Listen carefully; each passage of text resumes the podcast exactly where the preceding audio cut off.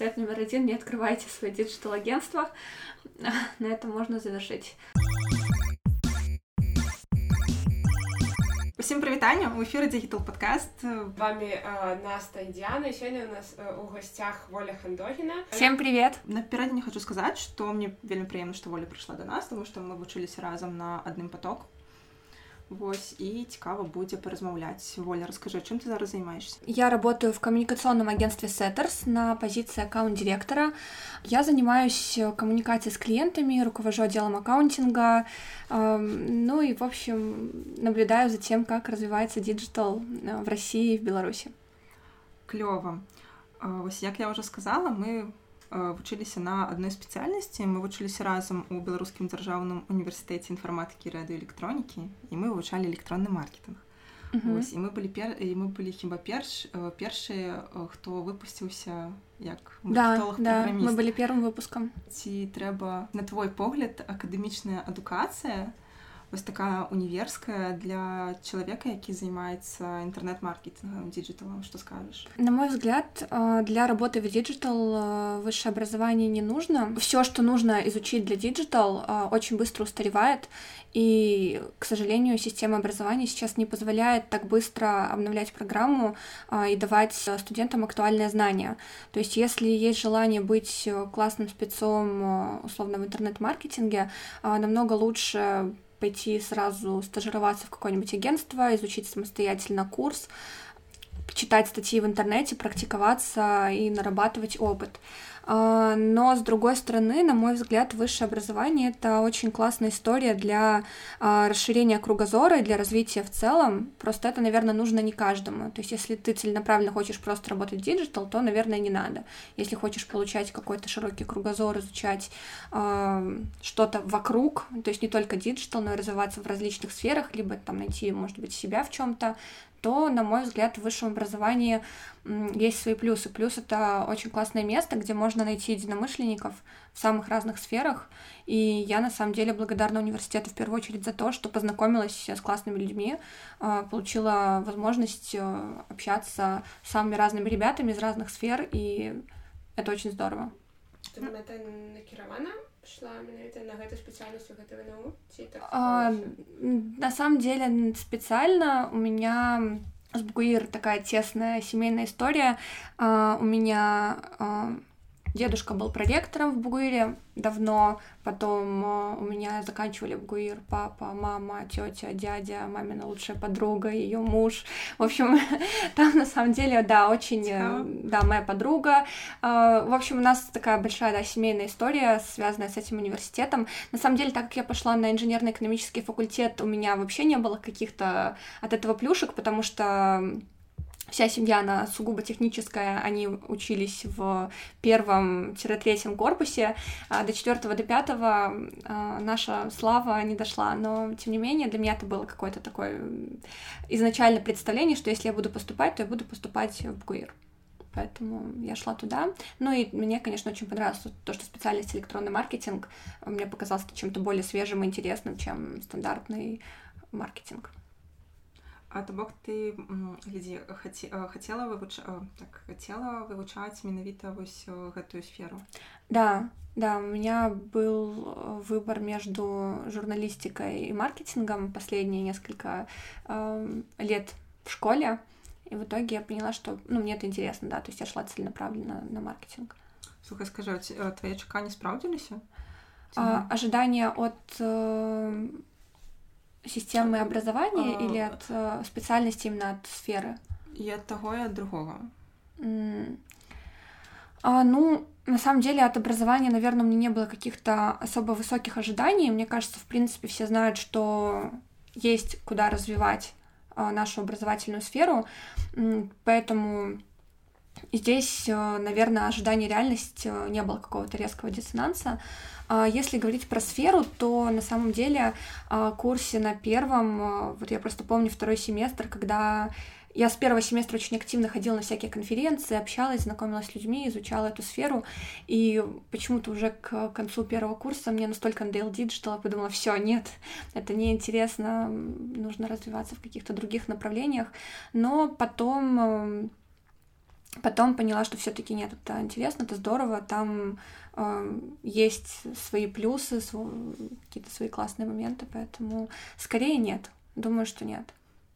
А я вось дарэчы ішла мэтанакіравана менавіта в гэты універсітэт на гэтую спецыяльнасць. Яшчэ калі яна просто называлася маркетинг у электроннай камерцыі. Uh -huh. я памятаю што калі я вучылася ў школе я перачытала ўсё што можна было знайсці ў інтэрнэце там типа інтэрнэт-маркетинг на 100соткаў там як прасо як прасоўваць там гэты тавары і паслугі інтэрнэце якія там кніжкі сабе набывала.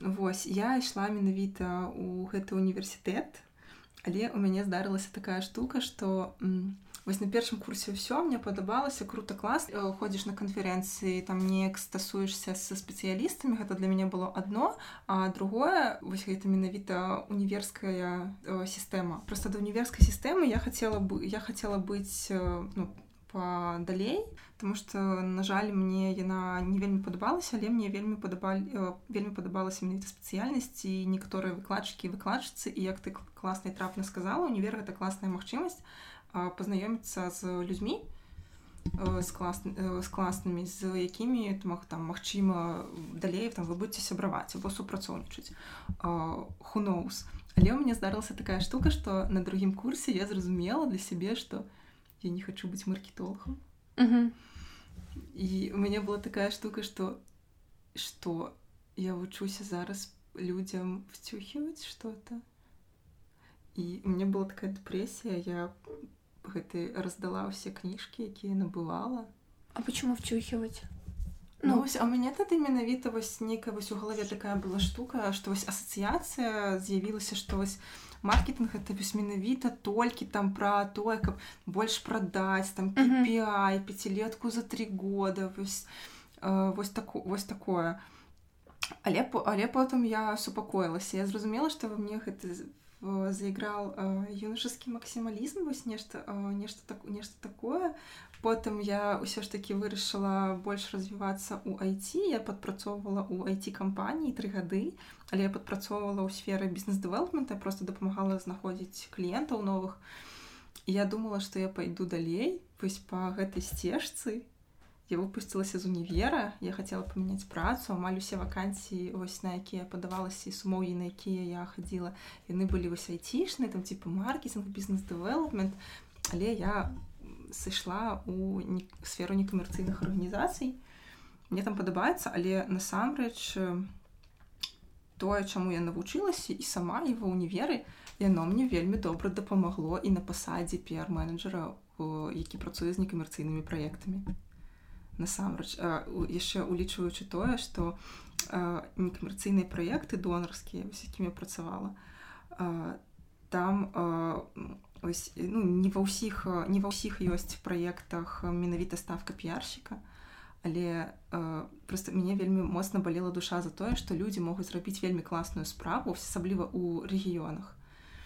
Вельмі класную справу але яны не ведаюць як пра гэта расказаць як пра гэта расказаць людзям як уцягну як уцягнуць супольнасць гараджан у гэта. І мне вось гэта вельмі дапамагло Мне кажется, можно спросить вот всех, например, студентов нашей специальности, э, там, первокурсников, второкурсников, и все скажут про маркетинг, что это что-то разное. То есть для тебя, да, у тебя возник какой-то дискомфорт от того, что это потребность что-то кому-то втюхивать. У меня, например, просто вообще такого никогда не было, просто потому что для меня маркетинг всегда был в первую очередь связан с аналитикой, с цифрами, и все, э, весь креатив и прочее, это то, что ложится mm-hmm. на какую-то базу более стратегическую. Вот просто очень интересно даже то, что э, у нас нет, ну, вот условно, если мы говорим, да, про какую-то систему, э, несмотря на то, что мы все учились в одном инфополе, в одном вакууме с одними преподавателями, да, да формировалось настолько разное представление, э, даже вот банально о том, э, чем мы занимаемся. Это очень интересно. Мне просто што вось ну з-за таго што гэта не вось нейкая такая вось навука кшталту вось матэматыкі ці нечага такога дзе ёсць 2 плюс 2 равно 4 там і так, такое дзе ты можаш на гэта по-рознаму паглядзець. Нават калі мы в універы вучыліся не пам здаецца владимир анатольевич сам казаў што там маркетинга колькі определений ну, вельмі шмат То бок гэта можна просто тракт, ну, трактаваць по-рознаму менавіта з-за таго што гэта не так ну не вось нейкая такая точная навука Магчыма вось кожны знаходзіць для сябе нешта сваё. Мне падаецца што ну гэта можа быць плану менавіта акадэмічная адукацыя не толькі ў маркетынгу у прынцыпе дыжытал прафесіі але гэта крыху... не чатыры гады і не чатыры гады таму што гэта састравае і трэба там адпраўляць людзей на стажыроўку не ў я не ведаю газету звязда а куды-небудзь там у агенцыі у адмысловыя кампаніі якія практычна і сучасныя якія сапраўды гэтым будуць занимацца плюс трэба абнаўляць праграму амаль штогод і вось у нашым забюрократызаваным гэта просто будзе абнаўленне там у дакуменце году і чаго-небудзь Ну, по сути, высшее образование, оно, как я понимаю, оно не, не особо предполагает какую-то конкретную такую прикладную информацию, которую ты используешь здесь и сейчас. А, вот я здесь согласна, что если ты хочешь работать условно в digital, ты всему научишься сам. Либо там на практике, либо на курсах. А высшее образование, оно, по идее, в идеальном мире, мы говорим сейчас, да, вот более абстрактно, оно предполагает просто вот общее расширение мировосприятия, э, нежели какое-то конкретное обучение каким-то конкретным навыкам. Поэтому просто зависит все, наверное, от того, э, зачем ты идешь в университет. И еще, мне кажется, просто очень важный момент это то, что не всем нужно высшее образование. Не всем нужно какие-то изучать, не знаю, философию, историю, там еще какие-то дополнительные, там, 200 наук, которые нам вставляли в программу э, поверх маркетинга и программирования. Поэтому просто, наверное, это нужно не всегда, не всем. И э, ну, высшее образование было бы круто ставить для тех э, ситуаций, когда человек конкретно понимает, зачем он туда идет, э, и как он потом хочет использовать эту информацию и знакомство. Вот это, мне кажется, очень важно. Ты сказала про маркетинг и программирование, программирование. На твою думку, вось ці быў гэта такі удалы мікс з боку універа? Я думаю, что общаясь а, с кафедрой, я понимаю, что были приложены максимальные усилия для того, чтобы сделать специальность максимально актуальной а, и интересной для изучения. А, но момент, который, мне кажется, было бы здорово доработать, это то, что а, я думаю, что изначально на специальность шли люди, которые не вполне осознают чем они в большей мере хотят заниматься, маркетингом, может быть, программированием, может быть, там и, и тем, и другим чуть-чуть.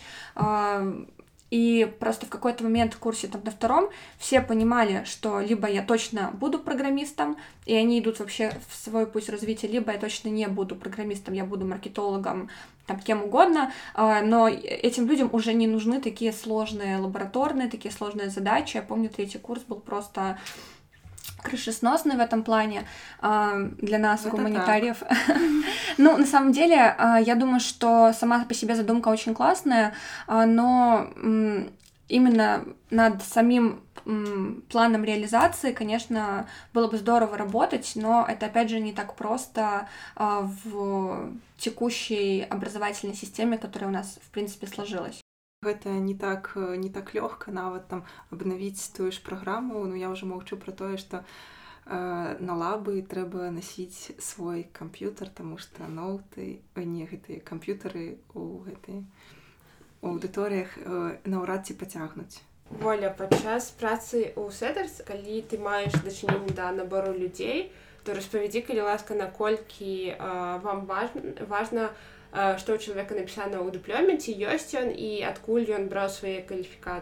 кваліфікацыі для працы из своего опыта могу сказать, что я достаточно много просматривала резюме, и я вот сейчас вспоминаю, каким образом я вообще их просматривала, и я понимаю, что э, строчка о высшем образовании это последнее, на что я в принципе смотрела, и даже больше в контексте того, чтобы понять, откуда человек, ну то есть где он учился, э, просто потому что мне интересно узнать немного больше об этом человеке, но я понимаю, что это ничего не скажет о его профессиональных навыках.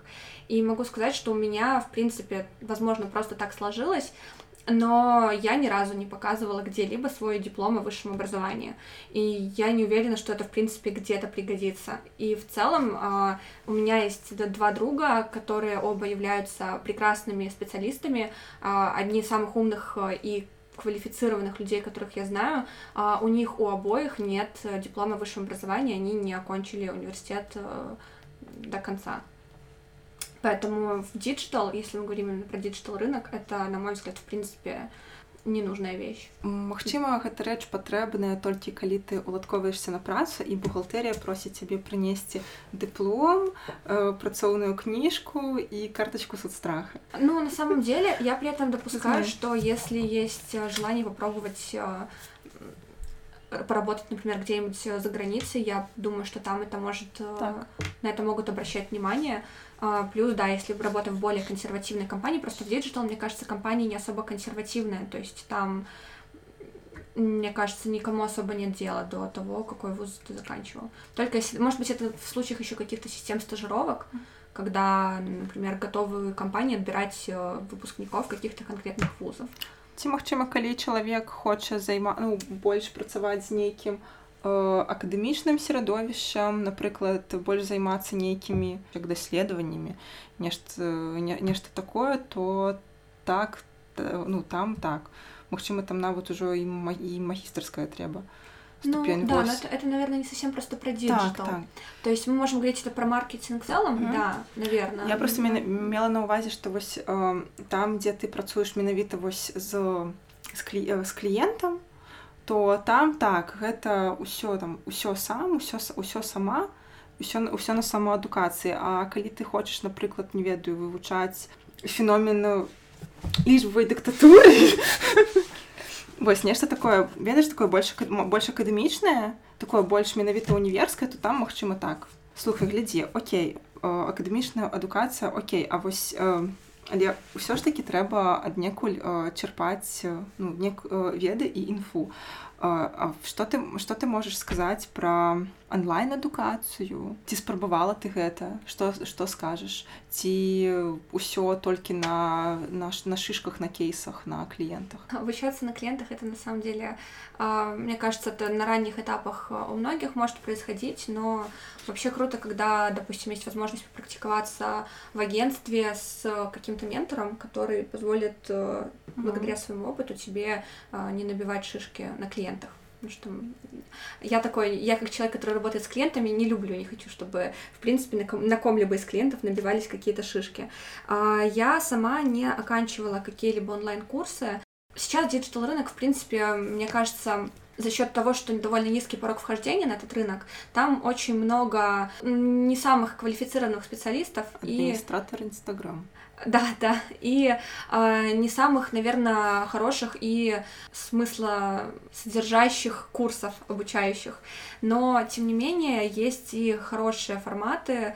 Я не могу назвать, наверное, какие-то конкретные рекомендации, просто потому что э, я не... что-то я смотрела, но я не совсем знакома, не могу дать какую-то более предметную характеристику.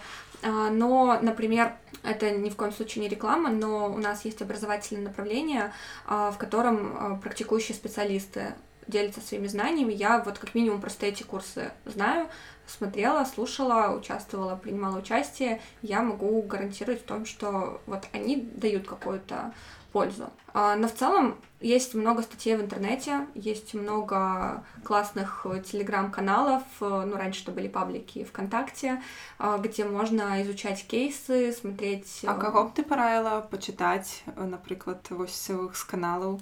естественно, Динейтив.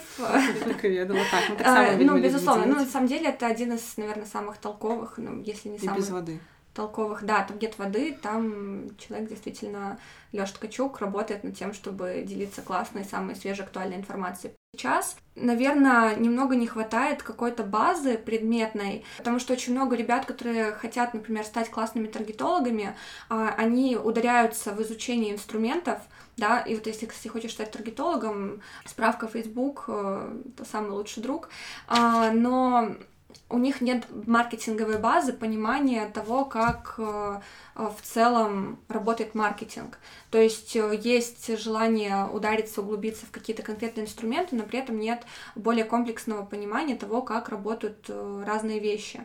Поэтому я бы в целом, если мы говорим про начинающих специалистов, я бы рекомендовала начать с основ маркетинга, ну, тот же Котлер, это наверное самое банальнае но это маст і я таксама пагаджуся з волей гэта а, просто тое што трэба абавязкова пачытаць і дальше уже а, постепенно осваивать какие-то конкретные инструменты, э, очень много всяких ресурсов, э, много разных программ. Если, например, э, человек интересуется, допустим, контекстом, сам Google проводит разные классные образовательные э, мероприятия и для студентов. Я помню, у них была программа The Graduate, а, которая э, обучала работам в их системах. Э, у того же Facebook, у ВКонтакте у них есть свои системы аттестации. С этим можно ознакомиться, изучить и развиваться. На Ютубе вельмі шмат відэаурокаў наконт Фейсбука, калі просто на нейкім базовым узроўні хочацца вывучыць там як рабіць таргет, Facebook Blueprint і мы здаецца здаецца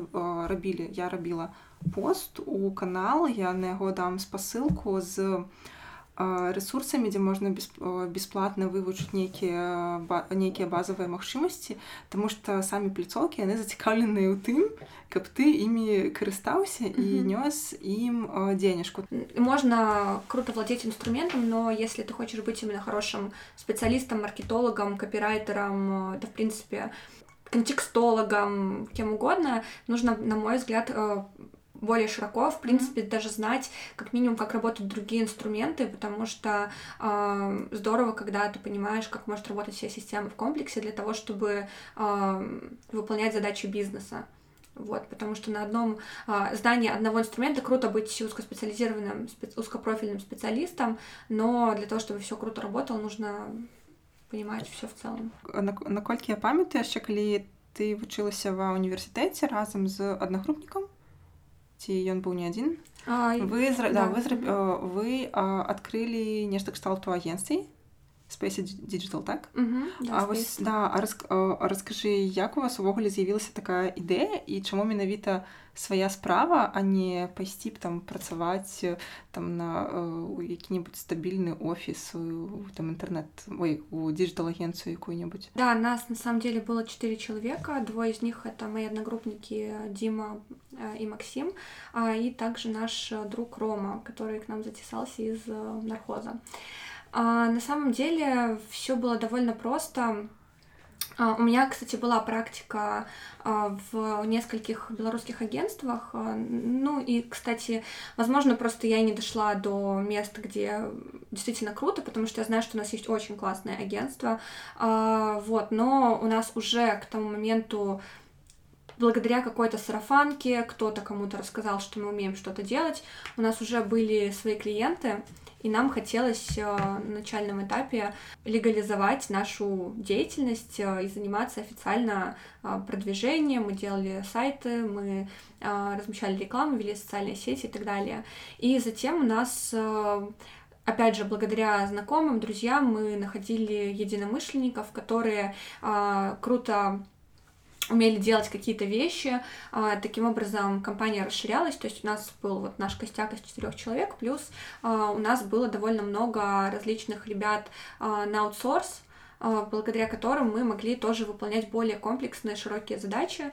Ну и нам, конечно, казалось это интересным работать с друзьями, единомышленниками и пробовать что-то свое.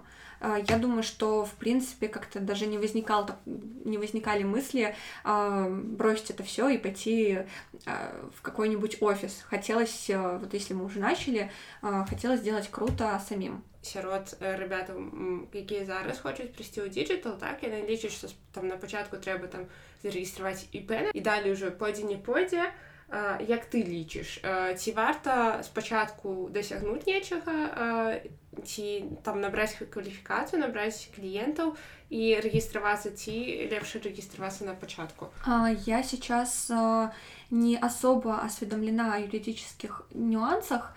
А, насколько я знаю, открытие ИП не требует изначально каких-либо серьезных вложений. Да, То есть это не открытие, ну даже ООО открытие намного сложнее, чем ИП. а, то есть, в принципе, если мы говорим с точки зрения законодательства, то, конечно, а, в принципе, любой доход круто получать легально, да, и через а, какую-то форму узаконенных денежных взаимоотношений, то есть, например, через ИП.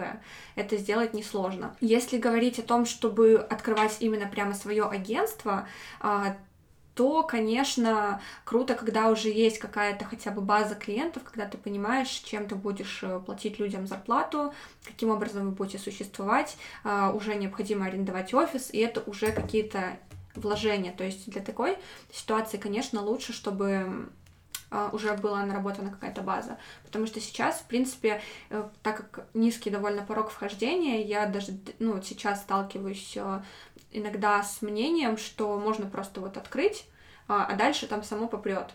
Но на рынке очень высокая конкуренция, как я уже говорила, много невысококвалифицированных кадров, и все не так-то просто, потому что там потом возникают различные нюансы, а, о которых многие не знают на старте.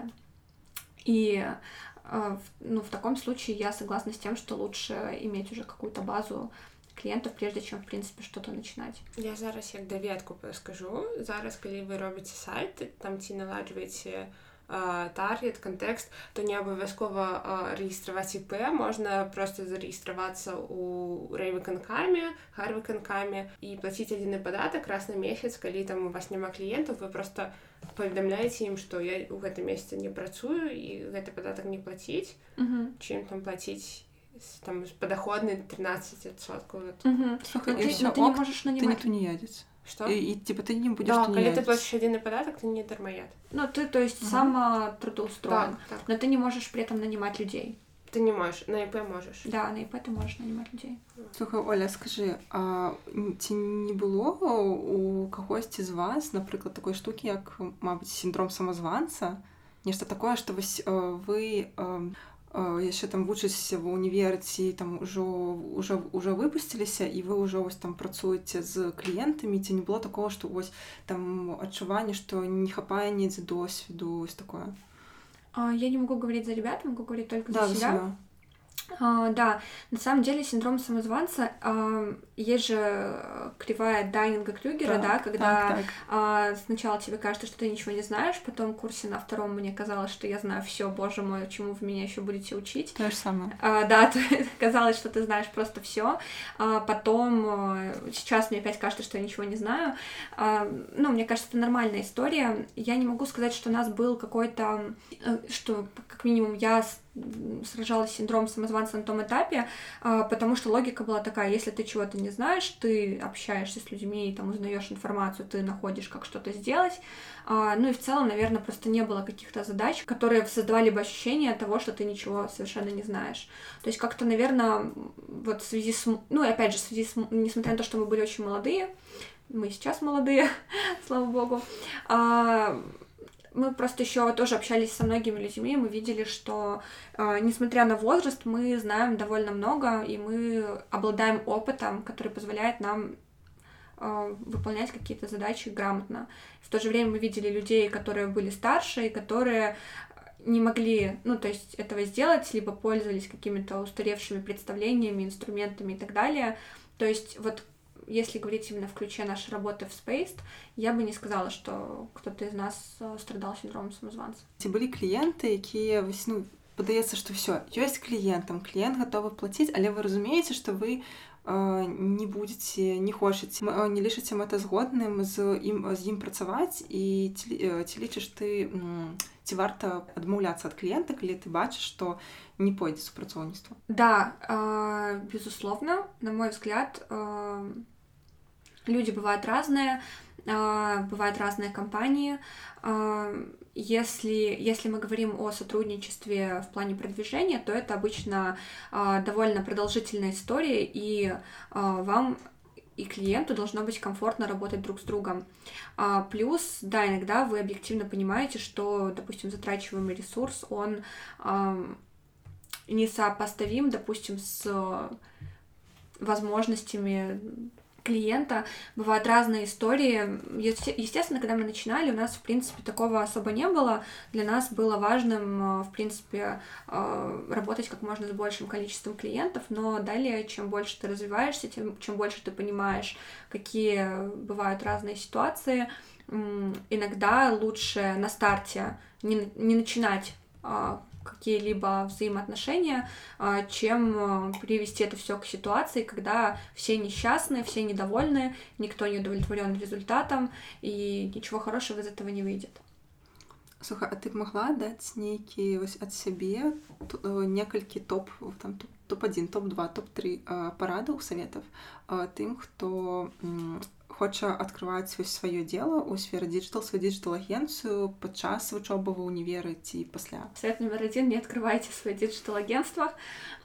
На этом можно завершить мне кажется круто делать что-то свое когда ты понимаешь какую конкретно ты можешь дать кому-либо ценность почему и зачем люди будут приходить в твое агентство чем вы можете быть круче, что вы можете дать рынку, а, потому что есть ощущение, что часто, в принципе, что-то свое открывается просто потому, что, ну вот, давайте, просто потому что, без какого-либо конкретного представления. Я даже не могу сказать, что у нас а, была какая-то конкретная задумка, над этим мы начали думать позже. А, оцените свои ресурсы, свои возможности, поймите для себя, в чем именно вы хотели бы развиваться, сформируйте, наверное, для себя какую-то свою нишу, так как вам нужно будет конкурировать с очень большим количеством э, компаний совершенно разного уровня, и вам нужно четко понимать, кто вы и что вы готовы дать этому рынку. Распавядзі калі ласка як ты стала супрацоўнічаць с Setters да, а, ну, могу сказать, мы начали работать с Setters. А,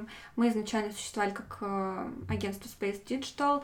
А, у нас есть а, прекрасный друг а, Саша, который в это время работал в Setters. А, и а, так просто сложились обстоятельства, что наш ресурс, э, наши навыки, знания были а, полезны под определенные задачи Setters, и мы изначально выступали как аутсорс-агентство, вот, но затем когда наш друг Саша стал руководителем digital отдела, он предложил нам всем переехать для того, чтобы на месте, в полях заниматься развитием агентство всем вместе. А, ну и, собственно, мы подумали, почему бы и нет, и мы переехали. А, вот, ну, то есть, да, изначально мы начали работать а, через нашего друга, выполняли какие-то отдельные задачи, занимались какими-то отдельными компаниями. А чем а, российские клиенты отрозниваются от белорусских? В первую очередь бюджетами. А, Безусловно, есть клиенты с большими бюджетами, есть клиенты с небольшими бюджетами и там, и там. А, но если говорить а, в среднем по больнице, конечно, в России совершенно а, другие бюджеты возможности. Даже если мы не говорим про работу с крупными компаниями, все равно ресурс у российских компаний обычно больше в среднем, чем у белорусских, к сожалению. Ну и, в принципе, я думаю, это понятно, это объясняется экономикой, вот. И э, есть в целом ощущение, что, опять же, из-за экономики есть различная готовность, э, даже, наверное, психологическая, э, для того, чтобы вкладывать средства в маркетинг. То есть у нас, если... Ну, конечно, это есть и там, и тут, э, но у меня есть такое ощущение, что э, в Белор... на белорусском рынке необходимо просто каждый рубль, который будет вложен в компанию, а, обосновать, э, лечь на амбразуру, защитить э, для того, чтобы пустить его в работу. Возможно, ситуация за последний год-два изменилась, а, но тем не менее сложилось такое впечатление, что на российском рынке все-таки а, уже люди более готовы для, к тому, чтобы вкладывать больше средств в продвижение. наколькі я разумею з прайсе сеттерс то гэта у вас кліенты в асноўным сярэдні і буйны бізнес а у беларусі ці вы супрацоўнічалі там з такімі кампаниями ці бралі дробный бизнес таксама в целом, когда мы начинали, мы, естественно, работали с небольшими компаниями, а затем у нас был опыт работы с разными компаниями, то есть это были и довольно а, крупные предприятия и а, небольшой бизнес. То есть на самом деле мы а, у нас не было такой строгой политики, ресурс позволял работать с разным форматом компаний. Если говорить про сеттерс, то чаще это работа со средним и крупным бизнесом. Колькі цяжка было адмаўляцца ад сваёй э, свайго і пераходзіць э, працаваць ужо як наёмны супрацоўнік ці ты разумела что гэта даст тебе больше квалификации больше ресурсов на самом деле для меня это был в первую очередь интересный опыт потому что ты знакомишься с новым рынком, ты знакомишься с новыми людьми. Там а, в этой компании работает очень много талантливых, прекрасных людей, с которыми каждый день ты узнаешь что-то новое. А, поэтому я бы не сказала, что была сложность, так как а, это новый, новый опыт, новые возможности, это очень круто. Я просто очень скрытый человек к таким вещам, поэтому я видела в этом какой-то шаг навстречу чему-то новому. Слухай, а як у цябе вось адбываўся гэты як это сказаць шифт вось гэтая перамена што вось там спачатку ты прац, ты працавала там у невялічкай у невялічкай агенцыі там гэта свая справа а потым хоп і ты перайшла на такую адказную пасаду у буйную агенцыю ці не было табе цяжка ну перастроіцца а... яшчэ іншая краіна нет не было. Э, правда, тут э, я, возможно, тоже довольно легко адаптируюсь к таким вещам. Может быть, это просто так сложилось в тот момент, и мне кажется, что я легко адаптируюсь к таким вещам, но просто так сложились обстоятельства. А, но, во-первых, в тот момент компания была не настолько крупной, как сейчас. А, она демонстрирует огромный рост, это очень круто. Она очень быстро и круто развивается, но в момент, когда мы туда переехали, она не была настолько а, большой.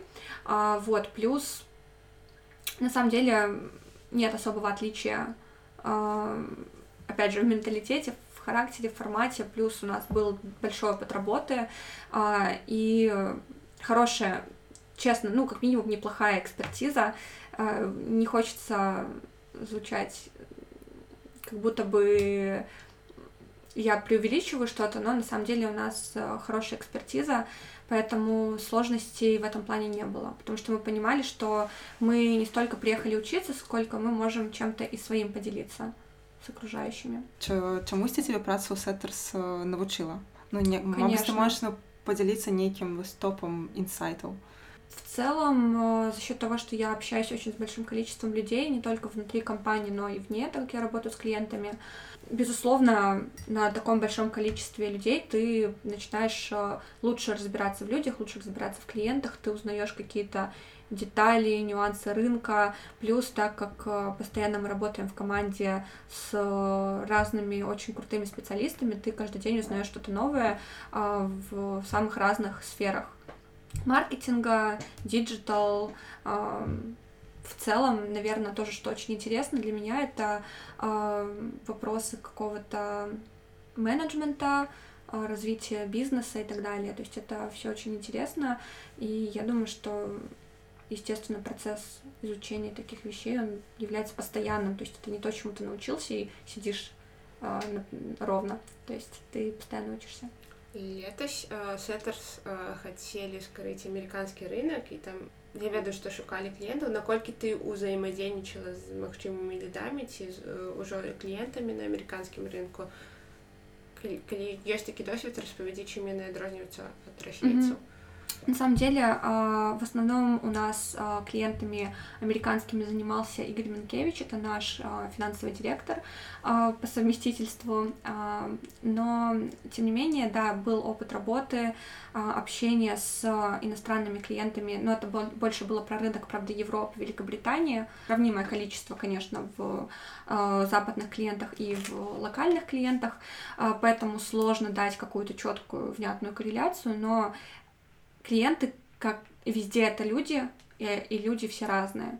То есть э, и тут, и там бывают э, адекватные люди, бывают э, люди, с которыми сложно взаимодействовать, э, каких-то различий в менталитете, в коммуникации я не заметила. Но, возможно, это еще потому, что, в принципе, мы живем в мире, в котором происходит глобализация, и если ты э, смотришь что-то кроме телевизора, то, скорее всего, ну и общаешься, с, допустим, с людьми из разных стран, то, в принципе, ты как-то начинаешь меньше обращать внимание на какие-то различия в коммуникации. Вось глядзі мне было пытанне Сандерсон на мою думку гэта агенцыя якая вельмі класна робіць сваю справу мяркуючы па кейсах але скажы ці няма у кліентаў у патэнцыйных і бягучых типа супер завышых чаканняў што вось яны прыйдуць дадуць 500 рублёў расійскіх і давайте нам город сад угу. А, ожидания бывают разные. Мне кажется, что это даже не столько ожидания от агентства, сколько ожидания от э, продвижения, от маркетинга, как от волшебной таблетки, которая просто за один щелчок решит все проблемы бизнеса.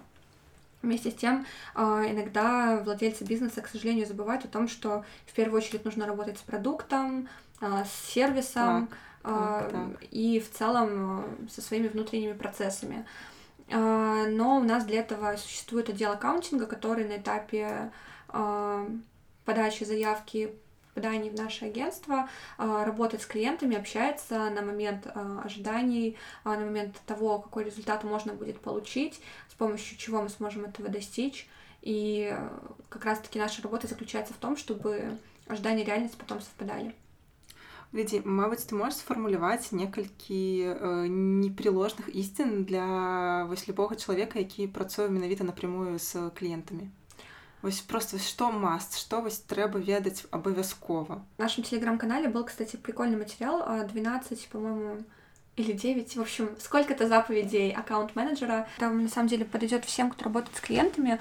А, в первую очередь, это хорошо понимать, э, разбираться то, в том, о чем ты говоришь с клиентом, а, потому что несмотря на то, что ты представляешь агентство, и затем клиент, а, задача клиента будет решать не только один человек, но целая команда экспертов в своей области, все равно ты являешься лицом агентства, и клиент обращается именно к тебе, а, и ты должен говорить с ним с позиции эксперта. То есть важно разбираться а, в том, о чем ты говоришь. Это первый момент. А, второй момент, нужна большая эмпатия по отношению к людям. Нужно уметь слушать, слышать и понимать, зачем к тебе пришел человек. Потому что в большинстве, в абсолютном большинстве случаев коммуникацию можно выстроить адекватно. Поэтому очень важно уметь э, понимать людей.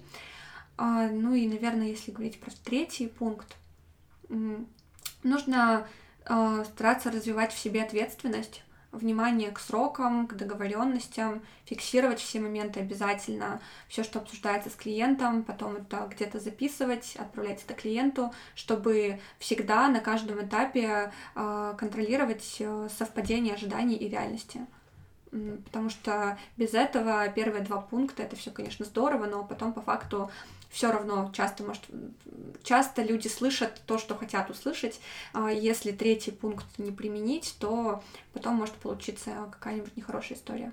Бывает такое, что приходится пераўпэўніваць клиента, например, клиенты прыходзяць з нейкім пэўным запытам ну вось як мы казалі про таргет на ремонт стиральных машинок а напрыклад вы ваши спецыялісты вы разумееце что тое что вось ён ці яна хочет что гэта наўрад ці спрацуе але б іншыя інструменты спрацавалі все решается диалогом абсолютно любая ситуация то есть ты выступаешь в коммуникации агентство выступает в коммуникации как эксперт если клиент обращается в это агентство то скорее всего он уже доверяет каким-то образом его экспертизе его опыту ты используешь аргументы а, подкрепляешь это своим опытом. А, если не выходит прийти к какой-то общей точке зрения, то, скорее всего, вам просто не по пути вместе. А, но если вы приходите к общей точке зрения, то все в итоге будет круто. ведаеце што цікава вось мне здаецца што ну магчыма нам траім гэта падаецца ну, вельмі ведаеш такім вельмі лагічным і вельмі яўным але я пусть пажадала бы параіла такі падыход нават не толькі у не толькі для тых хто працуе ў сферы дыджитала але і ўвогуле да ўсяго беларускага бізнеса тому что мне здаецца што калі была б вось гэтая імпатыя і жаданне ісці на дыялог то гэта было гэта было б вельмі гэта было б вельмі класна. Наколькі я разумею калі мы кажам пра буйны бізнес то там як правіла ёсць у кампаніі маркетынгавыя дзелы так Ці часто сустракаецца такая гісторыя ў сярэднім бізнесе і якія задачи часцей за ўсё отдаюць вам? А, в целом э, бывают разные ситуации. Бывает маркетинговый отдел, бывает э, средний бизнес, там есть маркетолог, э, который делегирует агентству какие-то маркетинговые задачи. Сейчас, на самом деле, опять же, мне кажется, ситуация стандартная для обоих рынков.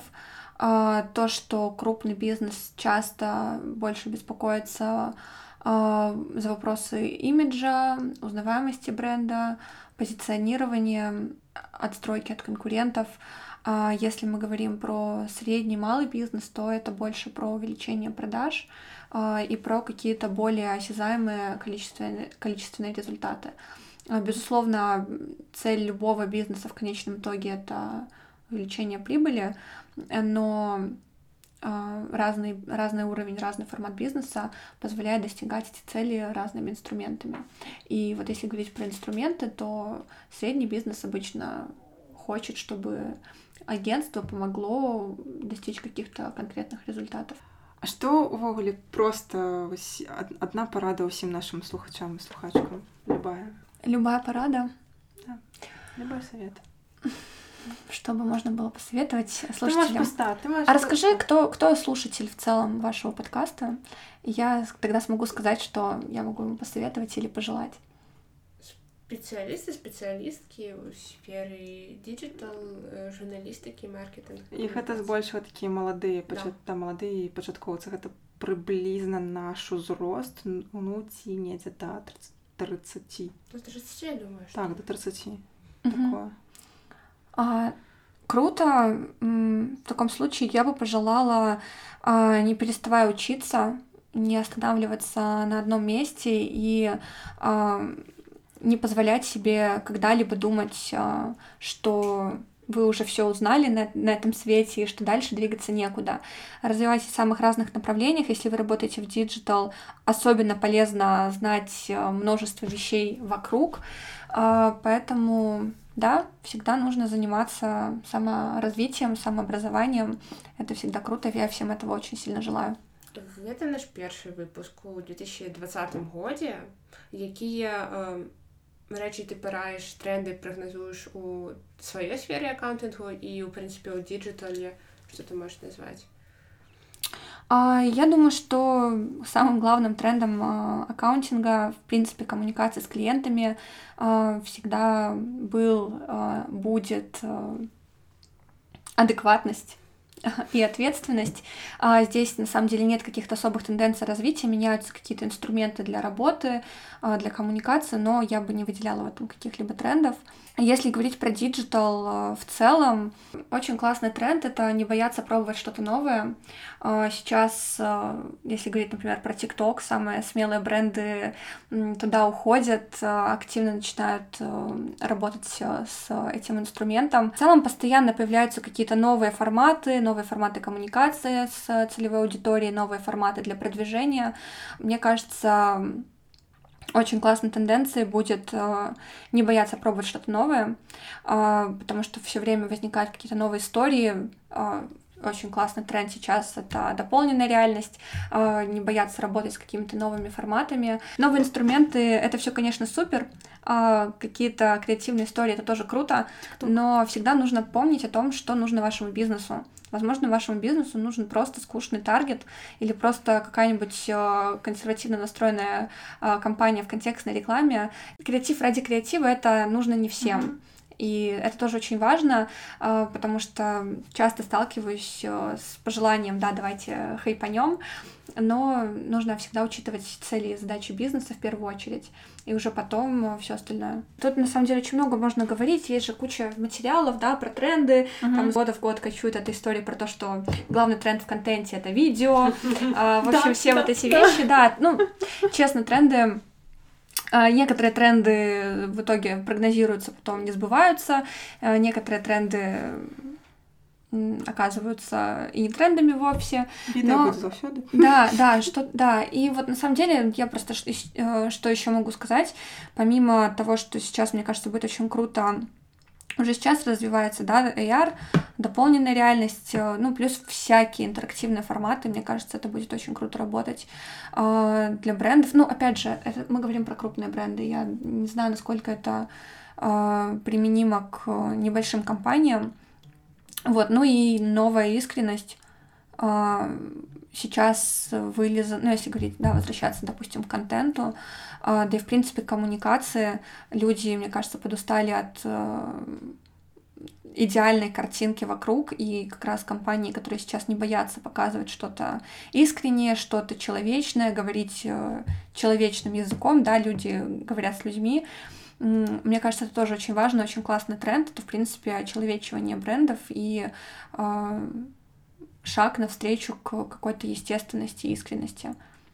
Наконт інтэрактыву я б я б дадала што увогуле ну, з, май, з майго пункту гледжання як чалавека хоць які не з бізнесам працуе але з НК інтэрактыў гэта вельмі важна паўсюль дзе ты працуеш з людзьмі нават калі ты просто ладзіш мерапрыемства так гэта круто класна што там ты зладзіў нейкую там клёвую лекцыю але калі у тебе есть магчымасць нават просто не ведаю там павесіць на сцяну нейкую крыжаванку дзе можа прыйти прыйсці чалавек там знайсці гэты там там словы там нешта гэтае з як гэта сказаць аб, абвесці нешта нешта такое ці просто там ну то бок там узяць там нейкую раздатку якая не просто гэта нейкі буклет хто мы такія і там і і, і што мы робім там але зрабіць там нейкую нейкую штуку там ты калі носьбіт экспертызы у тым як будаваць супольнасць там зрабі невяліч невялічкую улё там улётку там 5 крокаў як збудава як збудаваць супольнасць там чек-ліст то бок інтэрактыў гэта гэта важна паўсюль дзе ты працуеш людзьмі з майго боку Оля Дякую табе вялікі што ты прыйшла дзякую вам вялікі што вы былі з намі калі ласка калі вы слухаеце нас там дзе можна паставіць сэрцайка асабліва у айцюнсе так калі ласка паставце нам у 5 зорачак не насамрэч колькі колькі вы лічыце патрэбным і пакідайце водгукі тому что гэта вельмі важна усё пра што мы казалі спасылкі будуць у апісані ці ў каментары ў залежнасці ад пляцоўкі вось яшчэ раз дзякуй што былі з намі і да сувязі пока-пока пока-пока всем пока